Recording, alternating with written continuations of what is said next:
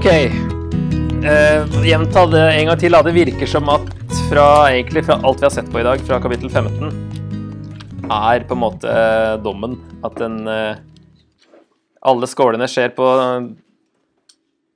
den store dagen. Dommens dag.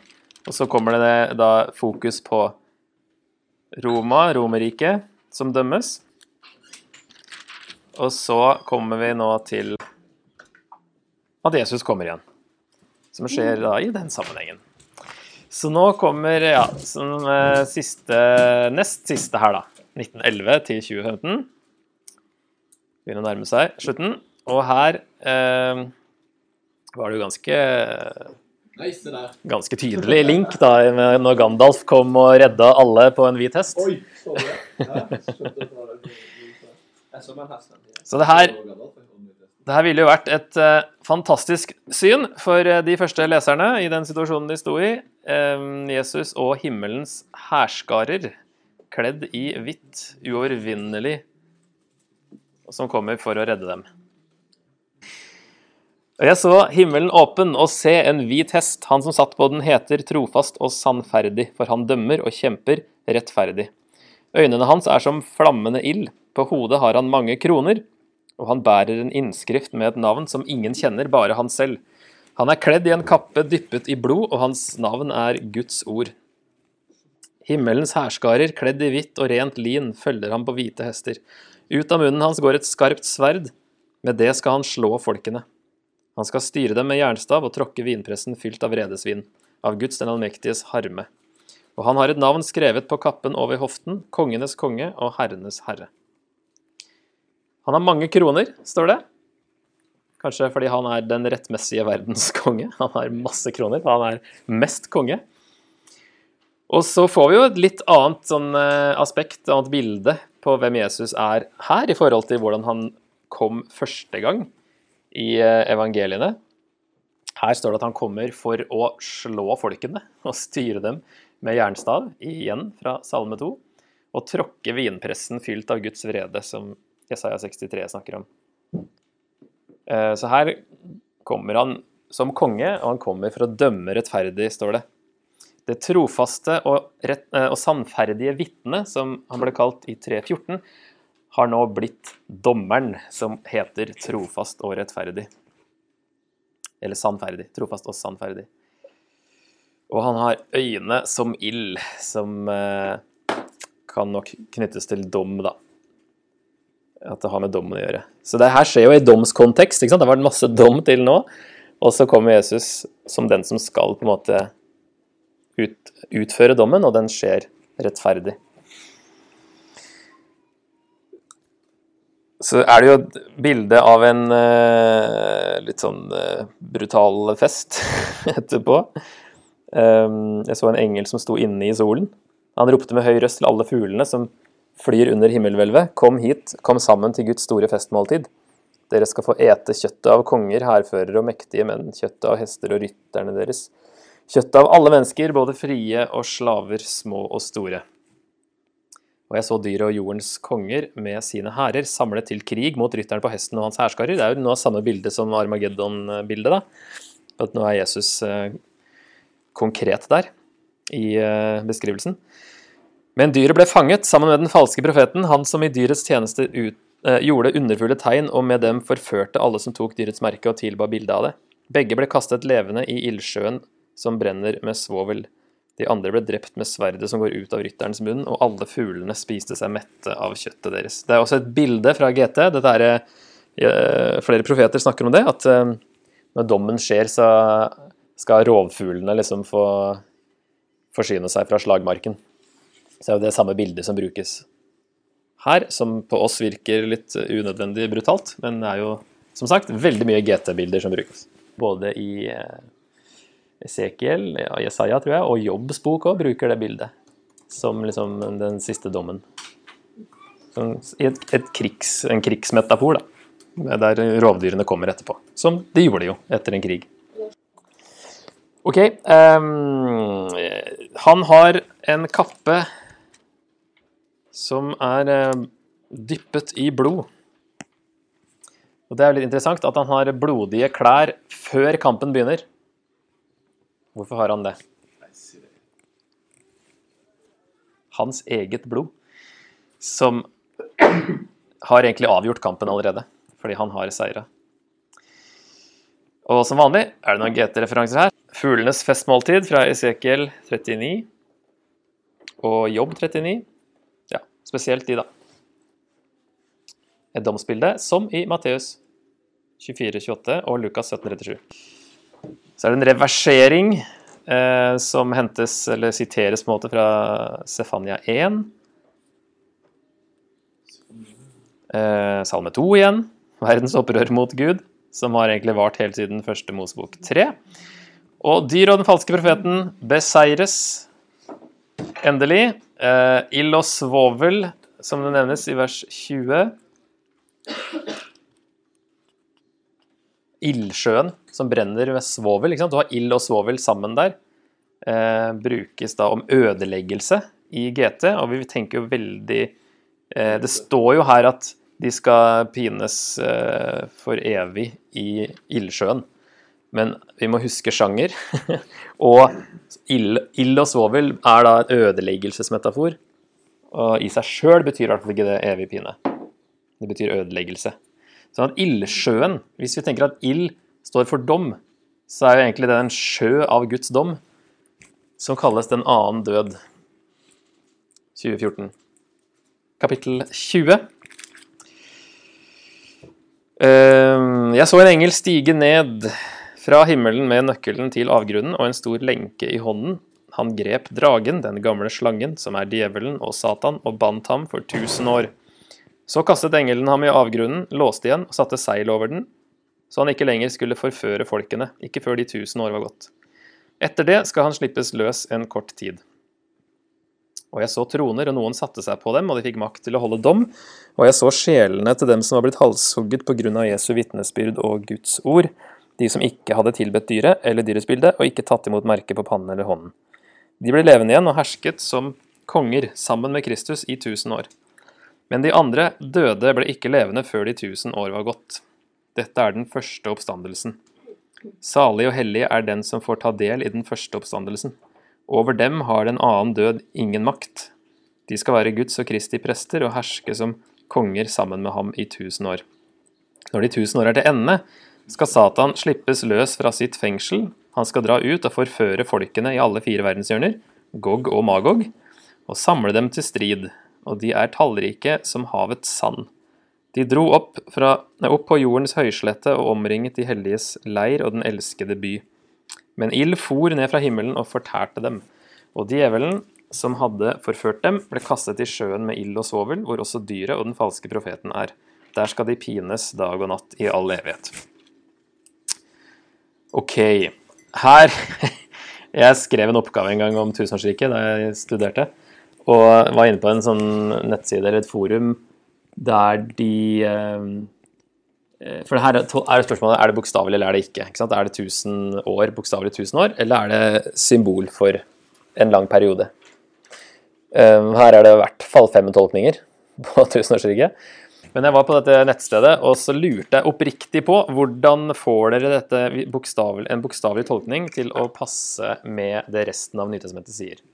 Fordi du må jo enten tenke at dette er ny informasjon, som Johannes fikk, som ikke Paulus hadde, og som Jesus ikke nevnte. Fordi det passer liksom ikke inn i det de andre sier da, om hva som skal skje. Det nevnes bare her. I et, en spesiell bok der tall har symbolsk verdi ofte. Så jeg spurte hvordan får du det til å passe, og så fikk jeg overraskende svar. Det var første var liksom What planet are you from? Det var liksom Hvor dust er du, liksom? You don't believe in the literal return of Christ. You can't pick and choose what you like best from the word of God. Og så ble jeg advart med hva slangen sa. Did God really say?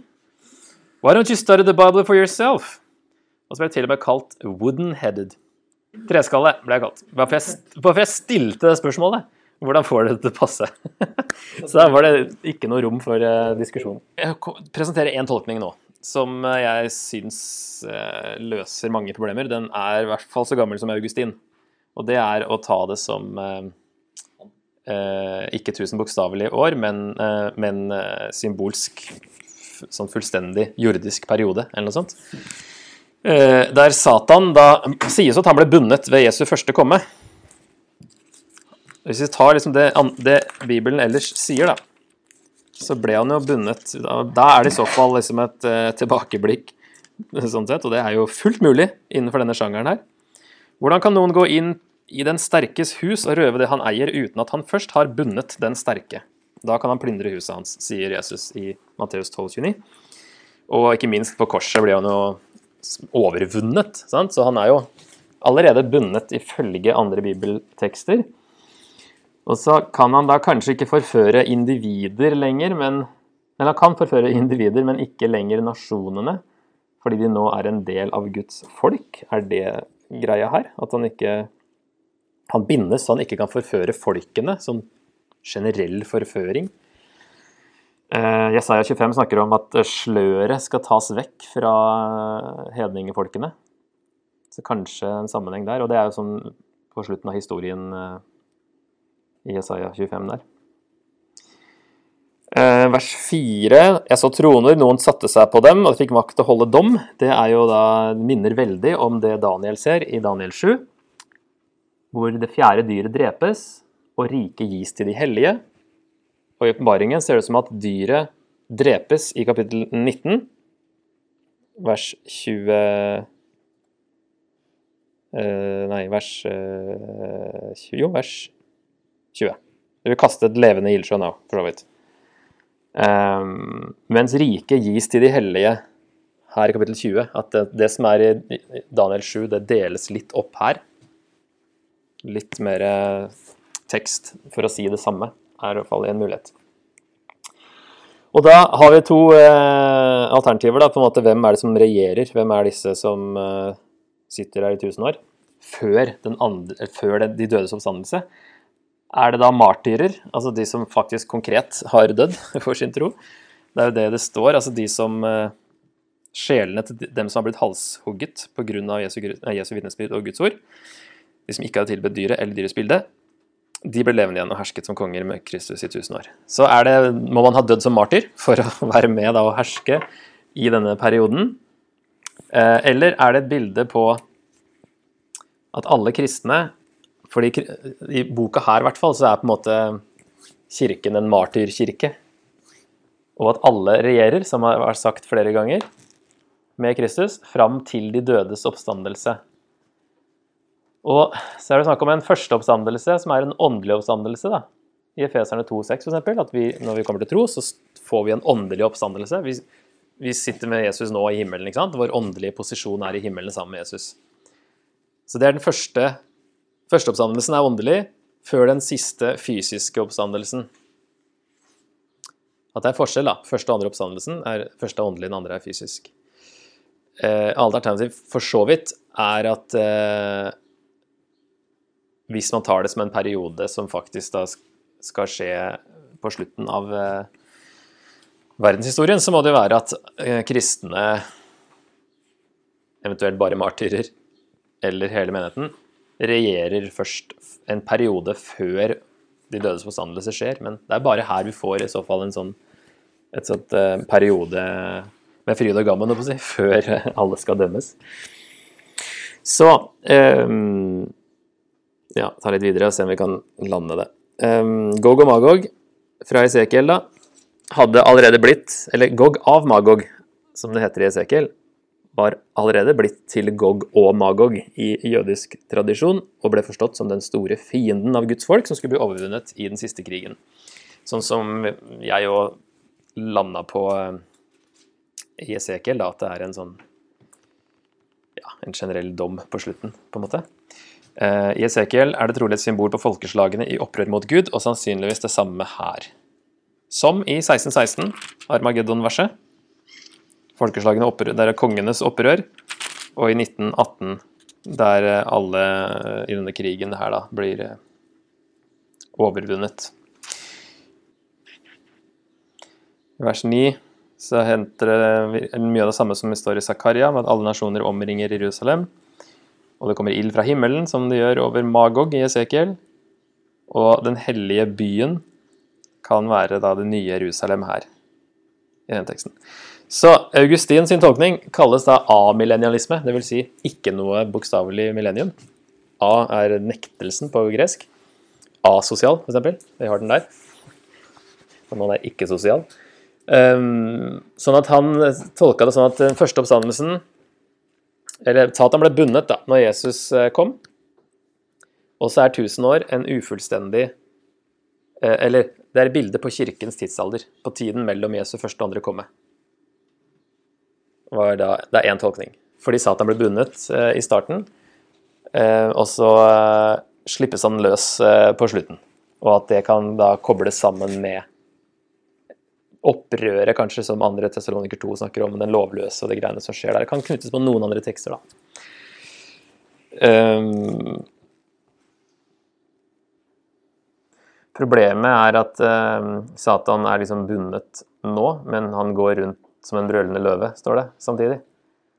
Um, så det er liksom det å få det til å henge sammen, da. Hvor mye makt har han, liksom? Og hvor farlig er han hvis han er bundet? Uh, så han er jo ikke farlig i den forstand at Jesus har seiret, og vi kan seire over han, ikke sant? men uh, likevel så er han en trussel, da. Uh, men sånn som Luther kalte det vel, at han er bundet, men med et veldig langt tau. så han er liksom fri til å gå litt rundt. Ja, en løpestreng. Løper fram og tilbake. Um, så bortsett fra det, så syns jeg det gir veldig mening sånn ut fra et helbibelsk perspektiv. Hvis ikke så må man eh, lande på at eh, Johannes har fått ny info som ingen andre har. da. Og at det kommer en sånn eh, mellomperiode. Og det er en annen interessant tolkning. Det messianske mellomriket ble en sånn greie etter hvert. En sånn mellomperiode før liksom, messianske tidsalder liksom, for alvor satte i gang. Og der, den, I jødisk tradisjon så hadde den, det messianske mellomriket hadde veldig mange forskjellige lengder opp til 365 000 år, tror jeg. sånn at eh, det var veldig mange forskjellige. Sånn at kanskje Johannes bare spiller på den tanken og gjør et eller annet eh, Lager et bilde ut av det. Men eh, jeg sliter med å tenke bokstavelig 1000 år, det må jeg innrømme. Ut fra hva ellers Bibelen sier. Eh, men eh, vi får se. Det er ikke noe problem om eh, jeg tar feil. Men sånn hvis jeg skulle svart nå, ja, så er det det som, mest, det som harmoniserer best med resten, da.